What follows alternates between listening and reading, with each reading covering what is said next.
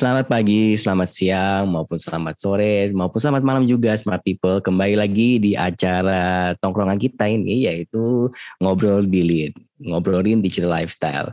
Sekarang kalau nggak salah ini sudah episode ke-42 sepertinya dan ini wow nggak nggak kerasa banget udah mau 42 episode, udah 42 episode dan kayaknya aku udah ngulang-ngulang terus ngomong udah nggak kerasa udah episode keberapa karena banyak juga gitu loh kayak wah iya ya kerasa juga tuh loh kayak kalau misalnya kita tiap minggu rekaman kayak gini kayak tahu-tahu udah numpuk aja nih episodenya tahu-tahu udah mau episode 50 nih jadi tungguin aja nih smart people ada apa di episode 50 Anyways, uh, untuk topik kita, topik obrolan tongkrongan kita hari, hari, hari ini, ini mungkin adalah lanjutan, lanjutan dari topik kita yang mungkin uh, smart people sudah pernah mendengarkan di episode kita sebelumnya um, kalau nggak salah waktu itu kita lagi ngomongin fandom, fandom yeah. dan kita menyinggung uh, sebuah fenomena yang mungkin apa ya cukup menarik dan mungkin apa ya terdengar uh, menjadi topik hangat di apa ya beberapa waktu yang lalu yaitu tentang parasocial relationships.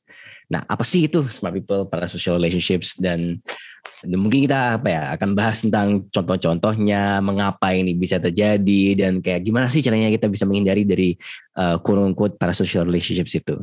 Nah, kalau yang sepahamku ya, to the best of my knowledge, para para social relationship itu kayak bisa diartikan kayak sesimpelnya adalah kayak bahwa kita tuh merasa dekat dengan seseorang, dekat dengan seorang idola, dekat dengan soal apa ya, sesuatu entitas hanya karena kita mungkin apa ya mengkonsumsi atau merasa mengetahui lebih tentang uh, objek tersebut. Jadi seolah-olah kayak kita itu merasa dekat padahal apa ya interaksinya itu satu arah. Kayak misalnya ada artis nih, kayak kita tahu banget nih tentang si artis itu kayak dari sejarahnya dia, kayak dia lahir dari mana, kayak dia sekolah di mana, teman bangkunya dia siapa padahal kita sama sekali nggak ada di dalam irisan kehidupannya dia kayak kita hanya benar-benar penonton di apa ya di pinggiran tapi kita merasa bahwa kita tahu segalanya tentang dia dan kita seolah-olah memproyeksikan uh, apa ya kedekatan kita itu kepada apa orang tersebut kepada objek objek tersebut. Padahal apa ya kalau kita lihat itu kan itu hubungan satu arah kan. Kayak kita benar-benar ya si objek ini memberikan media memberikan apa ya semua informasi yang ada dan kita hanya apa ya mentah-mentah menerimanya dan dari situ kita merasa dan apa ya quote unquote ada halus sih sebenarnya kayak apa ya, merasa hmm. halu bahwa kita itu dekat dengan orang tersebut. Nah fenomena ini apa ya bukanlah fenomena yang baru ya tapi mungkin uh, apa ya preferensi dan apa ya uh, nuances yang terbaru dari um, dari fenomena ini mungkin muncul semenjak adanya media sos media sosial dan kultur internet sih karena menurutku hmm. apa ya uh, berkat adanya internet, media sosial dan kayak platform-platform ini yang bisa memberikan apa ya spotlight terhadap orang ini uh, cukup apa ya hal-hal yang cukup untuk bisa membuat seorang itu apa ya terjerumus dalam sebuah para social relationship. Sebagai contoh mungkin apa ya ketika di pandemi ini kita kan benar-benar apa ya uh, gak ada interaksi fisik dengan orang lain dan apa ya di luar dari lingkungan keluarga kita misalnya. Kita benar-benar kayak mungkin kesusahan berinteraksi dengan teman. Kalau misalnya kita nggak terbiasa dengan apa interaksi online kita mungkin kayak harus benar-benar kayak secara fisik berbicara dengan orang. Nah dari situ kan mungkin kita ada banyak luang apa waktu luang nih. Kayak mungkin kita mulai mengkonsumsi media lain dengerin dengerin podcast atau mungkin kayak nonton-nonton video orang. Dan kita merasa bahwa apa ya dengan mengkonsumsi media tersebut dengan durasi waktu yang sangat lama tersebut bahwa apa ya uh, subconsciously terbentuk sebuah pikiran di masa kita bahwa kita tuh sangat kenal, sangat dekat dengan apa ya konten dengan orang yang kita konsumsi tersebut. Hmm. Um, dan itu apa ya kayak nggak bisa di apa ya nggak ada parameter yang bisa menentukan kayak apakah itu sebuah social relationship atau enggak kayak bisa jadi ada nih uh, fans dari smart people yang suka dengerin podcast kita dan kayak mungkin masa kayak dekat banget dengan aku Mbak Ines maupun Mas Adat. Tapi apa ya we can't say apakah itu ada sebuah social relationship atau enggak gitu loh. Tapi menurutku yang menarik untuk dibahas adalah bagaimana jika para social relationship itu mengarah ke suatu hal yang cukup ekstrim dan justru malah berbahaya kepada orang yang apa yang dihaluin gitu loh. Bukan pada hmm. orang yang hmm. ngehalunya, tapi pada orang yang dihaluin. Kayak yang dihaluin, bukan Halloween, tapi haluin. kayak mungkin, ya, ya susah-susah nih. Kayak mungkin contoh yang aku kepikiran ya, karena aku quote quote apa ya quote unquote wibu wibu bukan juga dan yang aku rasa yang cukup apa ya menarik dari apa ya dari fenomena parasocial relationship ini adalah ketika apa ya uh, VTuber atau virtual YouTubers ini menjadi ngetrending atau kayak muncul tuh loh.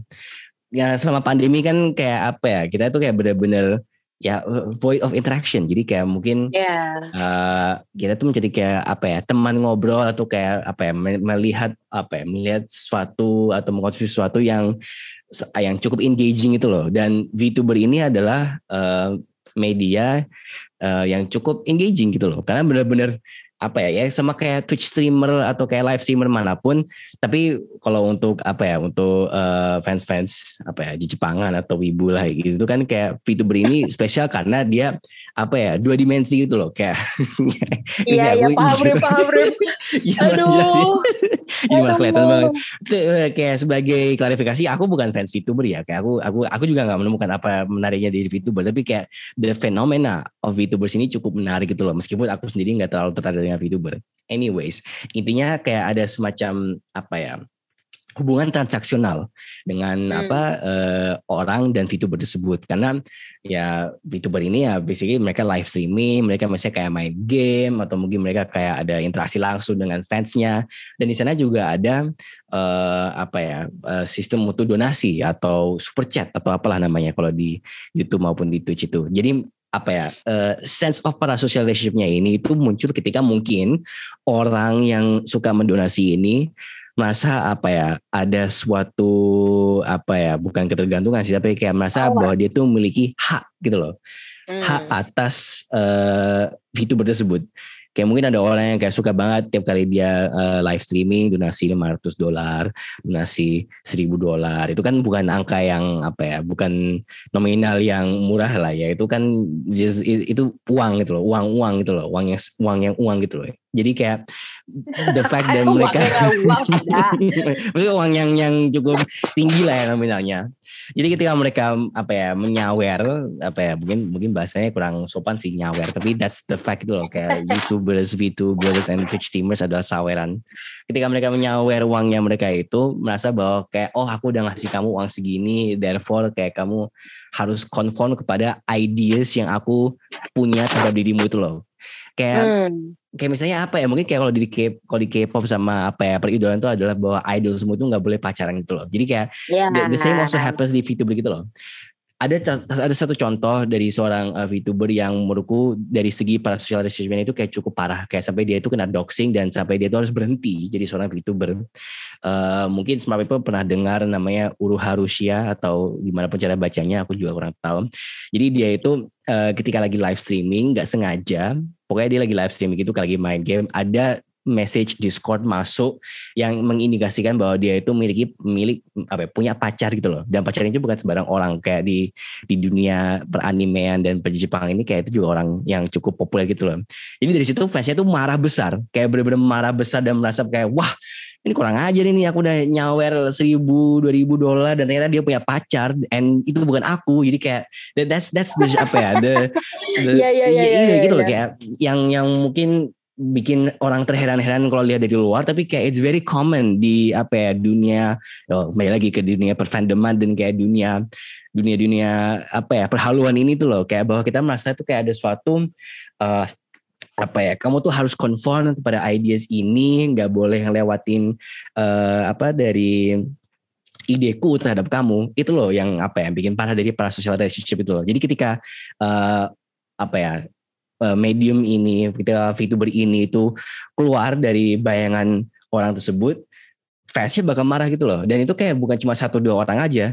Ini tuh apa ya fenomena yang cukup menjamur sampai kayak bahkan the whole fans yang mungkin adalah fansnya dari awal, tapi ketika uh, apa ya idolnya atau idolanya itu uh, apa ya bertolak belakang dengan imajinasinya, mereka langsung siap untuk apa ya menyerang dia secara langsung gitu.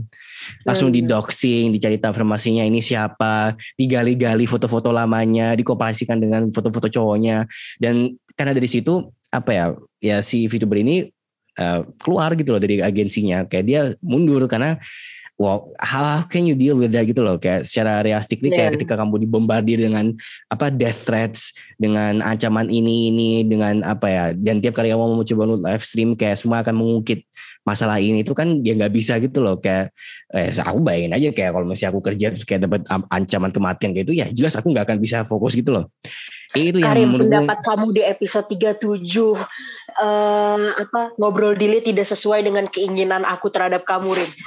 Oh ya Nggak misalnya kayak kalau ada smart people yang dengerin podcast kita terus kayak Iya iya wah iya. iya. Karim nih meng- mengini Nah, itu nih tuh. dari melenceng nih gitu. Bener kan, bener kan. Itu itu yang maksud lo kayak apa ya orang-orang yang apa ya nggak sadar itu loh kayak mungkin kita juga sebenarnya kena ini loh dalam para social relationship kayak mungkin kita juga jadi salah satu korban ini kayak kita itu emang put a high standards kepada orang ini simply karena dia itu keluar dari apa ya image yang dia proyeksikan gitu loh dan Ya. itu apa ya baik itu sengaja maupun tidak sengaja itu sebenarnya bukan apa ya it should not be a problem gitu loh who are we kita itu siapa gitu loh untuk bisa menyuruh dan maksa mereka itu untuk conform kepada ide kita itu loh. Itu yang jadi masalah dengan parasocial relationship ya. Dan kayak aku sering lihatnya banget kayak mungkin karena aku kembali lagi sandbox dalam dunia wibuku kayak it's very prevalent dunia perwibuan itu loh.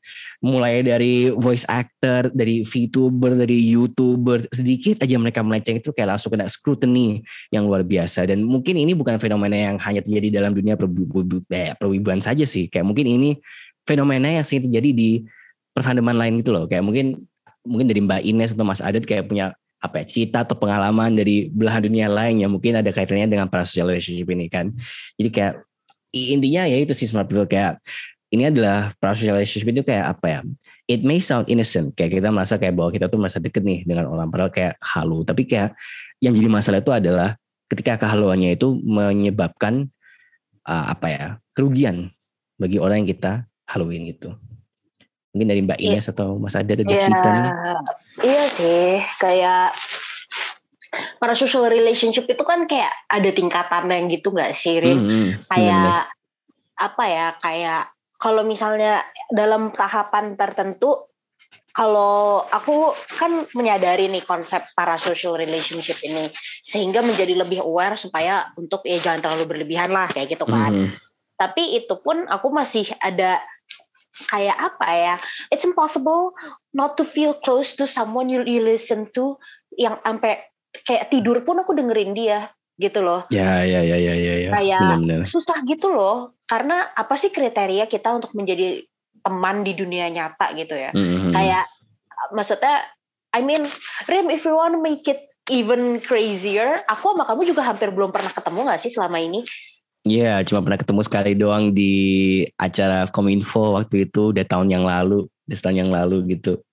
kayak, Kayak bener-bener. Iya iya. nggak pernah hampir Gak pernah pernah, gue. Iya gitu iya. aku Bener-bener udah bener. kerja di dua di CFDS tuh hampir dua setengah tahun Iya iya iya. kayaknya hampir dua setengah tahun but I never Bener, met bener. you Bener kayak bener bener. Face to face Mas Adat pernah sih sekali tapi kayak we didn't even talk back then Iya kayak iya tapi iya sama-sama. kita setiap seminggu sekali we talk like an hour ya kayak regularly sehingga kalau ditanya apa kalau ditanya soal kehidupanku di CFDS ya aku akan jawab oh iya si Karim temenku gitu Iya iya iya iya. iya. ini kan ya ya ini dua arah ya you talk to me as well tapi kalau Hmm. misalnya dalam kasus para social relationship tuh kayak it's hard not to feel close pada saat aku udah mau tidur nih kayak ah aku dengerin si itu. Ah kalau aku nontonnya tuh adalah youtuber youtuber yang kayak eh, apa sih membahas soal keja eh, kayak financial frauds itu seru banget kayak kalau di iya, di iya. main tidur tuh si Coffeezilla, Spencer Cornelian kayak gitu. Aku tuh dengerin mereka. Dan mereka tuh bukan tipe youtuber yang menjual interaksi loh. Kayak Hmm. Karena kerjanya adalah ngomongin wah ini tuh penipuan gini gini gini gitu gitu kayak ini tuh judi ini tuh ini. Mereka kerjanya adalah ngomongin tentang kejahatan kejahatan finansial. But aku tetap merasa sangat dekat dengan Coffee dan Spencer gitu. Karena ya I, I listen to them every day before I went to sleep. Jadi kayak hello gitu loh. Nah terus Hmm. menurutku sih pada tingkatan seperti demikian di mana aku juga tidak menginvasi kehidupannya kopi aku ya senang-senang aja gitu loh kayak ya happy lah gitu. Cuma yang bikin bahaya tuh adalah kayak di belahan dunia lain nih. Kalau Karim perwibuan jadi kayak sisi kewibuanku ini sudah terwakili oleh Karim ya gitu. Jadi mari kita ke sisi lain dari aku yaitu adalah Formula One. Jadi di Formula One itu ya sama kayak Formula One itu kan eksklusif banget ya smart people. Mm. Jadi cuma ada 20 driver at any given time. Pasti cuma ada 20 pembalap gitu. Dan untuk dapetin kursi 20 orang itu tuh emang ya you have to need the combination of skills, luck and money intinya kayak gitu. Jadi begitu orang udah masuk ke 20 orang itu ya stardom gitu loh. Mm -hmm. Nah, jadi kayak gitu. Nah, tapi isinya tuh beda-beda banget orangnya. Jadi ada kayak namanya Landon Norris, dia pembalap McLaren saat ini. Dia itu pas weekend ya dia pembalap F1, tapi dia seumuran kita smart people. Dia seumuran ya 20, 24, 25 gitu.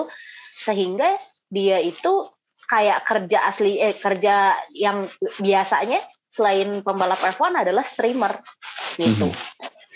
Jadi waktu misalnya dia, dia balapan nih, nah terus dia balapan performa dia kurang atau performanya lagi nggak bagus atau mobilnya rusak atau dia berhasil mengalahkan pembalap lainnya gitu ya. Nah itu tuh waktu dia lagi streaming keluar tuh smart people death threats kayak hmm. you should kill yourself kayak gitu. Ngeri banget. Benar-benar ngeri banget dan kayak ada yang kemudian bertubi-tubi iya iya bener lo tuh nggak pantas tau nggak ada di kursi F1 yang kayak gitu-gitu. Nah terus mm -hmm. pokoknya pada detik itu intinya katanya tuh streamnya berhenti tiba-tiba. Sehingga orang-orang tuh kayak wow what happened to him? kayak gitu. Jangan-jangan beneran lagi dia bunuh diri kayak gitu-gitu. Mm-hmm. sehingga tapi akhirnya dia muncul lagi kayak intinya dia open up gitu. Dia bilang kayak ya yeah, it's not easy being a Formula One driver. Ya iya kita ada di puncak motorsport tuh adalah Formula One gitu kan. Kita ada di sana. Terus kita kaya gitu. Gaji-gaji pembalap F1 itu kan nggak main-main gitu. Ya kayaknya yang paling murah itu satu juta dolar deh. Yang paling yang paling murah dan yang paling mahal setahu aku capnya tuh ada 50 juta dolar. Jadi hmm. ya nggak main-main emang mahal gitu yeah, yeah. jadi kayak kita kaya, kita ada di puncak motorsport, tapi itu the expectations that come with it, kayak the fact that uh, membalap Formula One itu adalah personifikasi of the brand they carry. Jadi kayak yeah. lo bayangin nih kayak McLaren itu kan merek mobil yang kayak legendary gitu kan. Dan saat hmm. ini kedua merek itu tuh sedang disandang oleh ya anak berumur 20 enggak anak, orang berumur 20 empat tahun ini gitu loh. Hmm. Jadi it's it's they're so young dan expectations is like high the world upon them gitu loh. Jadi ya kayak banyak orang-orang yang merasa gue sebagai fans McLaren dari tahun 87 kayak kayak harusnya Lando Norris itu tuh A B C D E F G dan ini yeah, yang yeah. bikin parah tuh adalah kayak gimana ya since it's sport kan pasti ada kompetisi ya. nah terus kayak Formula One apalagi karena dia tuh kayak apa ya kayak risknya tuh tinggi banget gak sih? Kayak hmm. they're risking their lives for our entertainment gitu loh 20 orang ini. Dan kemudian ada momen-momen di mana ya drivernya kecelakaan dan it's it's a part of the sport gitu. Jadi dan tapi karena ada merasa kedekatan dengan suatu pembalap tertentu sehingga pas pembalap lain kecelakaan itu kemudian cheering kayak hmm. kalau dilihat pakai akal sehat tuh itu agak nggak make sense yeah, gitu loh yeah, yeah. How hear when someone apa kayak kecelakaan gitu dan kemarin ini aku agak guilty of it juga sih. Kayak yang pernah aku mention aku kan kayak Max Verstappen banget. Kayak sampai detik ini sebelum aku tidur tuh aku suka ngebayangin waktu dia menang Grand Prix Italia. Kayak hmm. oh my god gitu ya. Kayak oh gila happy banget gue kalau inget-inget si Max. Terus dia senyum terus dia ketawa terus topinya warna biru. Kayak nggak penting banget smart people. Tapi it happened gitu. Aku tuh parah social relationship juga nih sama Max Verstappen ini gitu nah terus pas aku lagi nonton kemarin Grand Prix uh, apa ya Austria Grand Prix itu mm -hmm. si Lewis Hamilton yang merupakan rival utamanya Max tahun lalu itu nabrak gitu. Mm. Terus abis itu ya aku tidak cheering sih, but I was kind of happy that he crashed. Gara-gara kayak oh berarti dia tidak bisa mengancam Max gitu kan. Terus aku kayak oh my god ini keterlaluan dan sentimen aku itu juga dieko sama ya 300 ribu orang yang ada di situ karena mereka juga cheering waktu si Lewis Hamilton ini nabrak gitu jadi ya, hmm. ya kalau diteliti pakai akal sehat tuh ini sebenarnya agak-agak menyeramkan gak sih smart people the way you are you are so invested in someone's life to the point that kayak gue nggak peduli sama hidup orang lain iya iya benar gitu bener, itu bener agak serem sih kalau di Formula One. Ya tapi behavior itu di call out juga sih. Dan I think everyone struggling untuk mendefinisikan sampai mana kita bisa uh, menikmati para social relationship. Karena nikmat loh. Ya gak sih, Hmm. Kayak yeah, yeah, yeah. loh untuk yeah, para yeah. social relationship tuh gitu. Cuma kalau misalnya how much is too much? Itu adalah pertanyaan utamanya sih menurutku. Karena kalau berfandom tanpa para social relationship tuh Ih, yeah. kurang aja gak sih at this time and age ya. Gak bisa itu. ya, ya gak bisa. Kamu harus tahu siapa pacarnya. Max Verstappen, cantik gak? Kalau gak lebih cantik dari lu tuh rasanya rese gitu loh. Kayak, hmm, kok bisa gitu. Gak gitu. salah sih. Iya, maksudnya ya, tapi ya, cantikan dia sih alhamdulillah gitu. Gue masih tahu diri gitu. Cuma kayak, ya I understand the sentiment of why people fell into parasocial relationship, especially in the middle of pandemics gitu gak sih? Mm -hmm. Kayak, we're so touch starved we crave attention atau apa something to give attention to gitu. Ya, hmm. jadi ya kita turningnya into whatever is sports youtuber games musicians I guess gitu. Kalau mas ada ada nggak mas?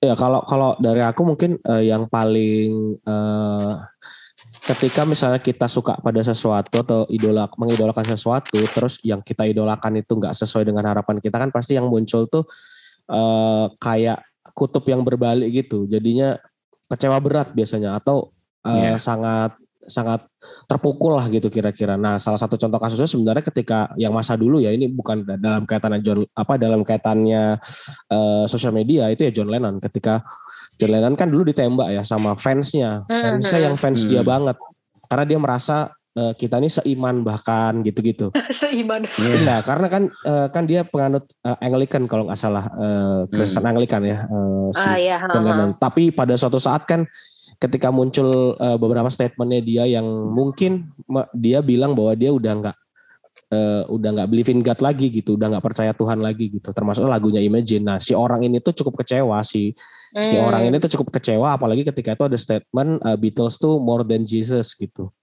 Ada beberapa beberapa beberapa statementnya dari si sebenarnya mungkin jokes gitu ya karena dia merasa Beatles ini sangat terkenal uh, more more popular bukan more more than Jesus maksudnya more popular than Jesus maksudnya ketika dalam konteks ini kan di Indonesia kejadian juga kan ketika ketika Arswendo misalnya waktu itu bilang dia lebih populer daripada Nabi Muhammad. Nah, ini kan sering kejadian-kejadian kayak gini kan ah. karena survei atau datanya memang kayak gitu, menunjukkan kayak gitu. Orang lebih mengidolakan Beatles daripada mengidolakan uh, Yesus misalnya kayak gitu atau mengidolakan Nabi misalnya seperti itu. Nah, tapi ini kejadian betulan dan uh, ketika itu dia merencanakan tiga bulan sebelum uh, penembakan yang terjadi pada John Lennon dan akhirnya terjadi itu. Padahal dia adalah fans beratnya Beatles dan juga John Lennon gitu. Tapi ketika ada fakta di mana uh, tiba-tiba dia merasa nggak gitu nih, dia harusnya nggak gitu, dia harusnya hmm. sama seperti aku gitu.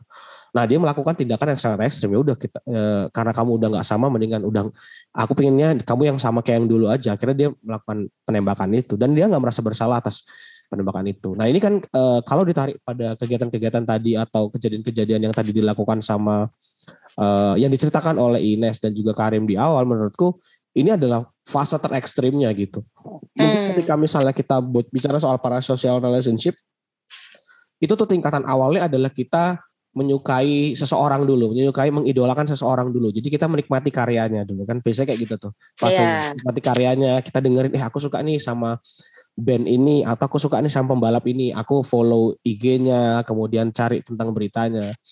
Nah fase keduanya itu biasanya udah ada di tingkat personal yang kayak kita tahu siapa pacarnya, tahu dia pernah deket sama siapa, terus menganggap ini nih dia, dia ini uh, apa aku nih fans berat banget sama dia, terus kayak ya udah mulai ke personalnya dia lah, misalnya tahu orang tuanya siapa, lahir di mana, ini kelahirannya di mana gitu. Itu udah udah lebih intens personal. Nah yang bahaya itu kalau udah sampai ke uh, fase yang ketiga yaitu delusi yang yang emang udah uh, uh, dulu sempat aku bilang pathological liar itu dia bohong aja bahwa ini hmm. orang suka aku gitu tadi seperti Ines bilang uh, dia udah yang sampai mungkin tahap stalker stalking gitu-gitu terus uh, yeah, yeah, udah yeah. yang kayak gitu kayak gitulah nah itu menurutku uh, fase-fase yang terwujud ketika uh, munculnya akhirnya uh, apa namanya para sosial uh, relationship ini apa namanya hadir di kehidupan seseorang gitu. Nah itu tak tahapannya. Nah menurutku ketika kita punya teman yang udah pada sampai di level-level itu, kita perlu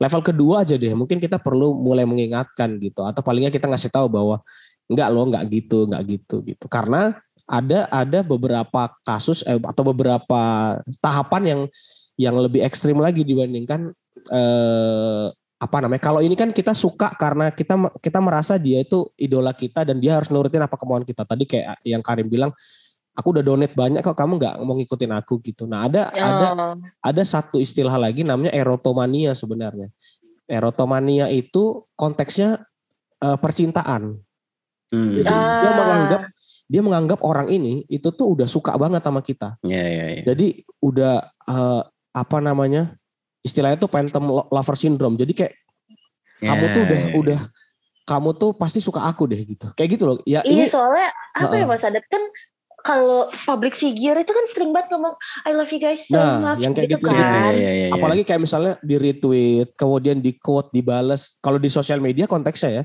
Kan sekarang nggak yeah. perlu ketemu langsung kayak uh, love you misalnya gitu atau dikasih love misalnya di quote di retweet di, di ininya atau di repost di IG-nya itu merasa ya aku disukai nih sama si orang ini. Nah itu hmm. fase uh, fasenya dianggap mencintai ini ini biasanya bakal jadi lebih ekstrim lagi karena yeah, uh, yeah, dia akan akan mengikuti ke kehidupan ke kehidupan uh, real life-nya meskipun itu kejadian uh, dia ditanggapin ya itu di, di kejadian yang di dunia maya gitu.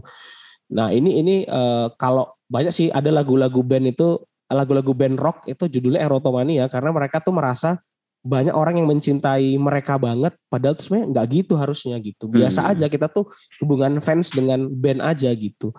Dan mereka menyadari bahwa uh, ya ini ini akhirnya nanti erotomania ini uh, tidak hanya soal cinta aja ya kayak semuanya si fansnya ini akan ngasih lah gitu apa pun yang mau dikasih apa pun yang yang menurutnya dia bisa kasih gitu.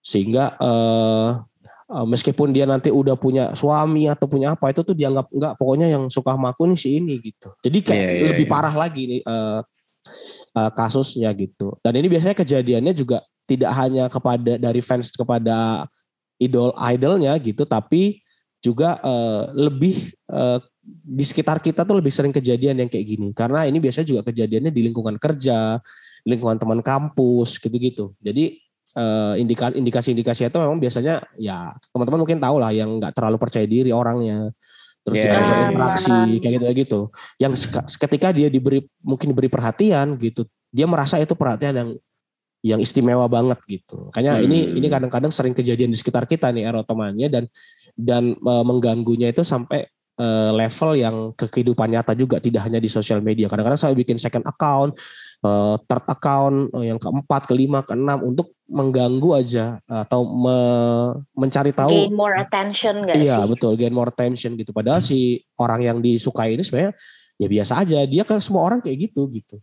Uh, nggak yeah, ada yeah, yeah. spesial. Nah, nah ini ini ini juga ada kaitannya dengan para sosial tadi. Kalau para sosial mungkin lebih kepada uh, bagaimana uh, uh, apa namanya bukan soal mencintai ya kalau yang para sosial mungkin lebih kepada bagaimana sih kok kamu nggak ini aku udah udah begini tapi kamu nggak begini gitu nah ini ini ini menurutku juga uh, kalau ditarik terus menerus dan tidak ada remindernya gitu ya uh, tidak ada yang mengingatkan nah fasenya bisa sampai ke seperti yang kejadian di John Lennon itu uh, dia hmm. saking sukanya nggak rela bahwa orang ini berubah ya mendingan kamu aku tembak aja deh gitu. Kamu mending uh, mati aja. Jadi aku tidak kece tidak merasa kecewa lagi gitu dengan perubahannya dia yang baru. Ini kan ekstrim hmm. sekali. Karena sampai menghilangkan nyawa seseorang gitu. Iya. Uh, ke, kadang kadang muncul karena kekecewaan, kadang muncul karena kecintaan yang terlalu dalam, terus dia kecewa gitu. Jadi patah hmm. hati banget, sehingga dia hmm. kadang kan ada pilihan orang dia harus dia lebih baik mengakhiri dirinya sendiri atau mengakhiri hidup orang yang dia sukai gitu. Jadi hmm. yang ekstrimnya ya kedua hal itu, sehingga uh, mungkin mudah-mudahan kita nggak menemukan kasus ini di Indonesia, tapi mungkin ada, tapi kita tidak tahu. Uh, tapi dugaanku di luar negeri banyak sih kasus kayak yang udah sampai sefase melukai diri sendiri atau uh, kalau aku baca tadi di beberapa artikel ada ada kasus yang dia melukai sendiri sendiri karena dia nggak merasa dirinya nggak di nggak dianggap lagi oleh uh, orang yang dia sukai gitu karena mungkin aku hmm. jelek ya mungkin aku biasa aja kayak tadi mungkin uh, pembahasannya Ines baru mendingan kita uh, realistis aja berpikirnya gitu nggak usah terlalu hmm. uh, mengawang-awang gitu kalau dari aku uh, mungkin uh, yang bisa yang aku tahu kayak gitu ya. Jadi ada ada parasosial, ada yang ada yang erotomania. Hmm. Erotomania itu lebih kepada kepada kecintaan ya, C, uh, soal cintanya gitu. Uh, kalau kalau uh, bahasannya soal itu. Nah ini juga sering kejadian sih di dunia nyata uh, di sekitar kita banyak lah. Aku juga pernah apa namanya punya teman yang dia suka sama seseorangnya terlalu berlebihan ketika dia nggak disukain ya akhirnya jadi melukai Sakit diri juga hati. gitu iya juga sampai ya menyayat-nyayat gitulah tapi ya itu memang memang problem problem yang memang harus itu gangguan gangguan mental sih menurutku kalau hmm. mental health mental problem sih mungkin. Yang memang harus hmm, butuh bener. orang pendamping apa pendampingan ya gitu di dokter ataupun di uh, psikolog gitu. Hmm. seperti itu. Iya iya. Dan ya, apa ya yang yang jadi masalah kan apa ya gara-gara oh, gara-gara media sosial sekarang ini kan jadi kayak apa ya perhatian sekecil apa pun tuh kayak bisa teramplifikasi tuh loh bagi orang betul, yang menerimanya. Kayak ya contoh yang VTuber itu kan kayak ya mereka kan apa ya mungkin kayak ada apa ya kalau live stream itu kayak ada sisi absen tuh loh. Jadi kayak mereka manggil nama yang mereka lihat atau kayak mereka mungkin kayak nanggepin komentar yang mereka lihat di apa uh, live chatnya mereka. Dan dari situ kan buat orang-orang itu kan kayak seolah-olah bahwa kayak mereka itu apa ya? dekat dan kayak disadari bahwa mereka itu ya, ada di sana ada, gitu loh. Ada di ya, ada ya. di pandangan mereka itu loh. Belum juga kalau mereka sering kali sering sekali disebut berkali-kali gitu loh. Itu kan jadi apa ya mengamplifikasi uh, kembali lagi kayak persepsi mereka terhadap orang tersebut loh. Bahwa mereka itu kayak oh tahu. Dia itu tahu aku. Dia itu ya, apa ya, ya sering manggil aku. Dan itu mungkin kayak jadi apa ya semacam ya mungkin kayak side apa ya uh, negatif effects-nya itu dari dari sosial media sebagai platform yang bisa memberikan apa ya uh, opportunity yang luas bagi orang-orang untuk menjadi idola ini dan menjadi apa ya uh, jadi tempat yang sangat luas untuk orang-orang mencari validasi tersebut itu loh. Kayak ya. um, mungkin susah untuk mencari validasi dari orang yang sudah cukup populer uh, sebagai streamer atau sebagai youtuber. Tapi kan kalau misalnya orang itu sangat apa ya sangat attention deprived sangat butuh perhatian itu kan mereka bisa aja cari kayak apa ya streamer atau youtuber yang kayak nggak terlalu populer. Terus kemudian apa ya menjalin hubungan para sosial yang transaksional maupun juga yang uh, apa ya mencari perhatian dari mereka gitu loh. Kayak mungkin yeah. lagi kayak nyawer duitnya mereka terus kayak kemudian mereka kayak merasa apa ya mencoba untuk merasa orang itu berhutang kepada dia yang memberi dia dukungan maupun memberikan dia uang gitu loh. Itu cukup apa ya, ya problematik sih gitu sih. Dan ya. aku juga jujur sih kayak bingung kayak gimana caranya kita itu bisa menghindari apa ya dari sifat-sifat ini tuh loh. Kayak ya obviously hmm. yang aku kepikiran adalah ya jangan terlalu berlebihan sih. Tapi kayak uh, parameter berlebihan bagi orang-orang kan beda gitu loh. Kayak kalau aku mungkin sebagai apa kalau misalnya aku nonton VTuber kayak parameter berlebihanku adalah aku nggak bakal mau apa ya nyumbang atau donasi sama sekali gitu loh. Kayak that's just not me gitu loh kayak aku bukan tipe orang yang kayak nonton kayak mikir mikir kayak wah orang ini butuh duit aku mau deh nyumbang gitu loh. Tapi ada juga ya mikir kayak wah ini itu hal yang biasa gitu loh. Kayak itu adalah kultur yang biasa yeah. dalam apa ya dunia live streamer dan apa Twitch streamer dan youtuber gitu loh. Jadi kayak parameter kan beda-beda kak. Jadi kayak aku nggak bisa eh, jadi kayak untuk smart people kayak aku nggak apa ya nggak bisa ngomong kayak bahwa to avoid past relationship kayak ada steps ini ini itu loh. Tapi kayak yeah. apa ya self introspect gitu loh. Kayak oke okay, kayak mungkin uh, anda sebagai penikmat VTuber atau uh, streamer kayak apa ini masih bisa dan mau untuk uh, mendonasikan. Tapi kayak mungkin put a cap kayak dibatasin dulu kayak misalnya uh, donasimu tuh kayak nggak apa ya nggak berlebihan dan kayak nggak apa ya nggak menyakiti dompetmu gitu loh. Kayak ya, mungkin ya, boleh lah kayak donasi satu dolar dua dolar tiga dolar gitu loh. Tapi kayak jangan sampai kayak kamu langsung ngambil tabungan kuliahmu atau apa cuma buat nyawer ke VTuber dengan harapan untuk mendapatkan apa ya call out gitu loh. Kayak that's not feasible gitu loh. Karena apa ya nggak cuma kamu doang gitu loh.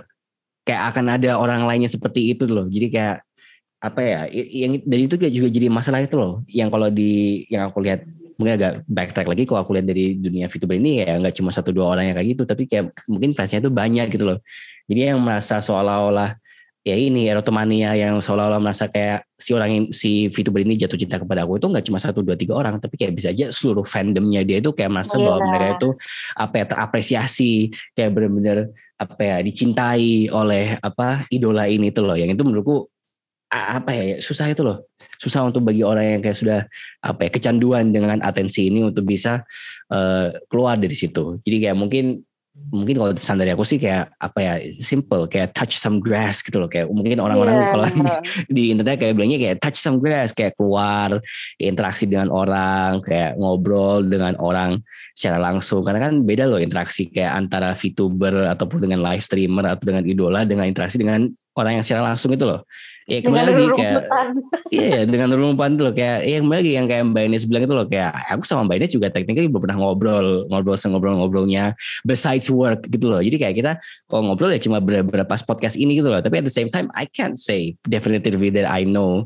Mbak Ines seperti apa orangnya maupun vice versa juga gitu kan jadi kayak saran dari aku dan Mbak Ines mungkin kayak kita harus ketemu atau kayak mungkin kayak kalau masih ada kesempatan ya kayak ngobrol tanpa ngomongin kerja atau misalnya apa gitu loh. Jadi kayak do something yang itu outside of the apa ya, di luar dari scope yang bikin terbentuknya para social relationship ini tuh loh.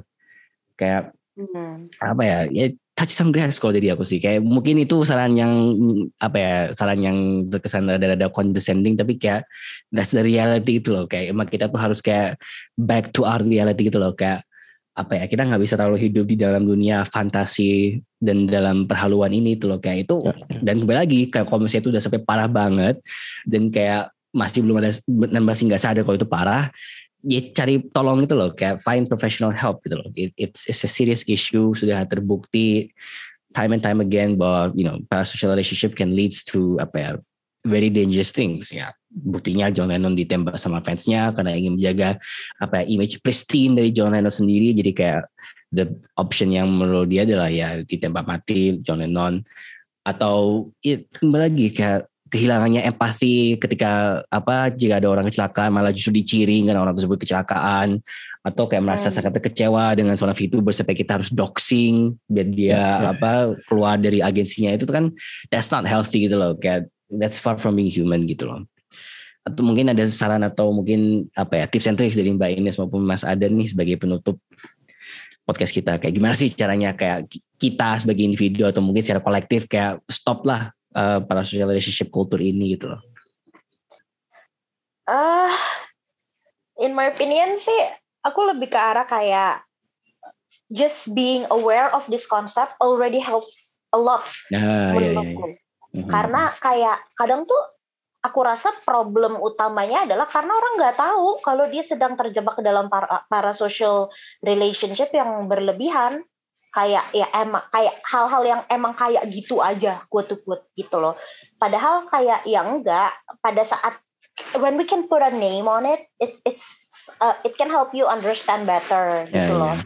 makanya hmm. kayak kalau aku udah mulai dan aku tuh tipe orang yang emang kalau udah suka tuh 120 atau 0 gitu loh Rim jadi yeah, yeah, yeah, yeah. I cannot say kayak uh, hindarilah para social relationship because I myself can't. Yeah, gitu. yeah, yeah. Kayak kalau udah suka tuh nggak mungkin nggak kena. Aku tuh mikirnya kayak gitu sehingga menurutku dengan mengetahui oh ini tuh namanya para social relationship ini tuh ada tingkatannya. Ini ada yang positif, yang level 1 2 tadi kayak kata Mas Adat gitu. Ini udah bahaya kalau udah di level 2 level 3 nih kayak gitu. Itu tuh nanti akan bisa membantu banget yang namanya yang namanya untuk kayak eh ini kayaknya udah waktunya touch some grass kayak yeah, gitu. Yeah, yeah. Kayak pada saat rasa kekecewaan dan kesedihan akan pada saat sesuatu tidak sesuai dengan ekspektasi kita, it's not the problem itu bukan masalah orang yang kita put our expectations on loh itu masalah hmm. kita yang berekspektasi gitu hmm. jadi sepakat sepakat menurutku para social relationship itu adalah what makes uh, fandom atau menyukai sesuatu tuh a better experience menurutku dan hmm. karena industrinya juga udah mengetahui hal ini sehingga hmm. sama mereka di tailor sedemikian rupa kalau dari K-pop side menurutku memang sesuatu unsur kesengajaan gitu loh semuanya ya, didesain yeah, yeah, yeah, gitu gitu. Supaya uh, to allow the fans to invest more and more to their idols. Kan investing more and more means also mean more, means money. more money. kan gitu. Loh uh, dan kayak apa namanya kalau di in the case of K-pop aku rasa memang itu di fully di utilize gitu loh memang sengaja dimanfaatkan tuh rasa cinta hmm. dan apa uh, investment of those fans itu tuh emang sengaja. Cuman kayak it escalated too much aja gitu. Dan tidak ada yang menghentikan juga. Yang namanya kayak L itu jangan terjebak para social relationship gitu. Tuh nggak ada yang ngomong kayak gitu. Mm. and you can still love someone kayak love their work love their art without kayak apa ya being too invested personally on that person itself gitu loh. Hmm. Ini sebenarnya berhubungan sama ini loh Rem kayak apakah sekarang uh, kayak kalau kita suka sama let's say siapa uh, penyanyi A, terus penyanyi A ini membuat suatu uh, racist remarks yang kita tidak setuju yeah. dengan hal itu kayak gitu kan. Hmm. Itu kan hmm. biasanya di cancel kan. Yeah, yeah, that's true, that's true.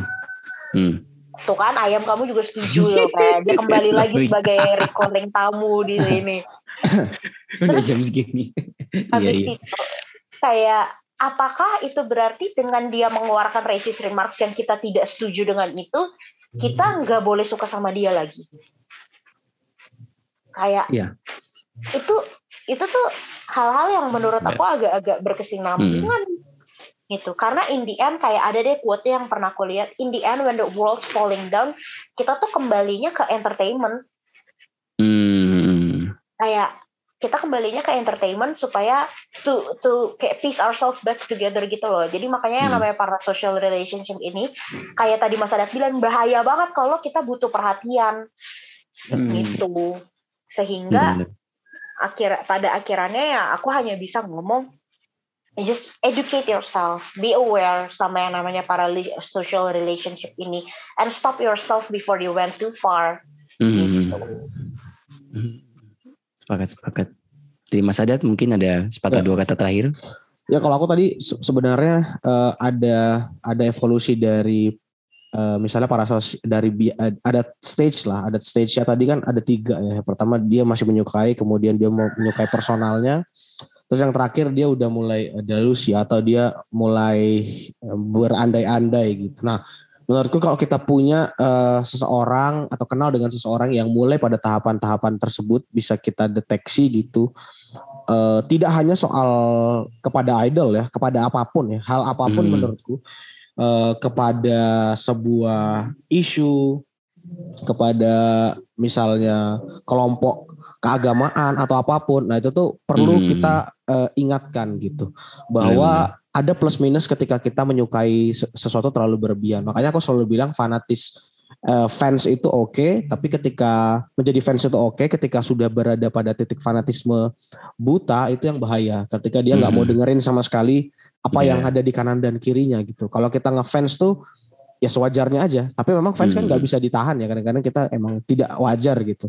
Tapi atas ketika sudah sampai pada fase merugikan orang lain gitu, itu yang menjadi batasan sih. Karena kebebasan itu kan hakikatnya dibatasi oleh kebebasan orang lain gitu. Jadi kalau kita hmm. ganggu kebebasan orang lain, ya itu menjadi masalah gitu.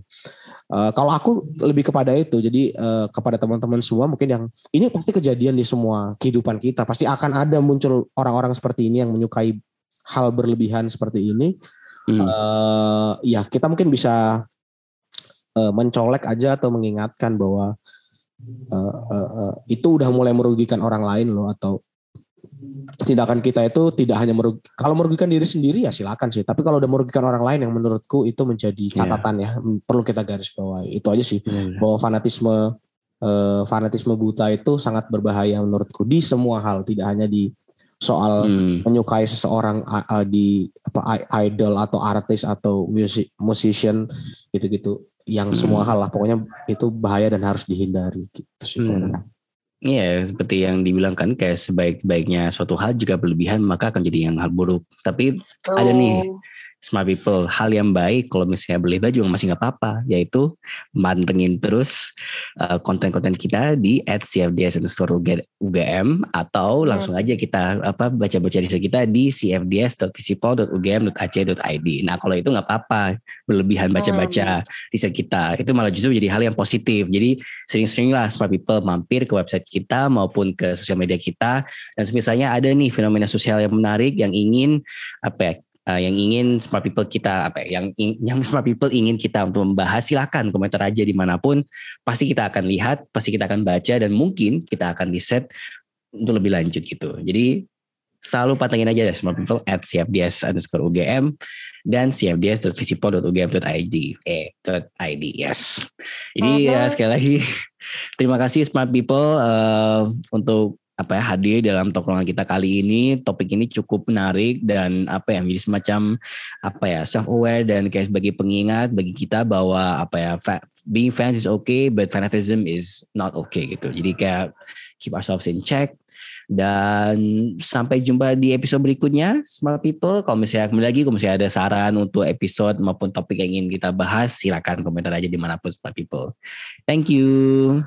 Bye bye bye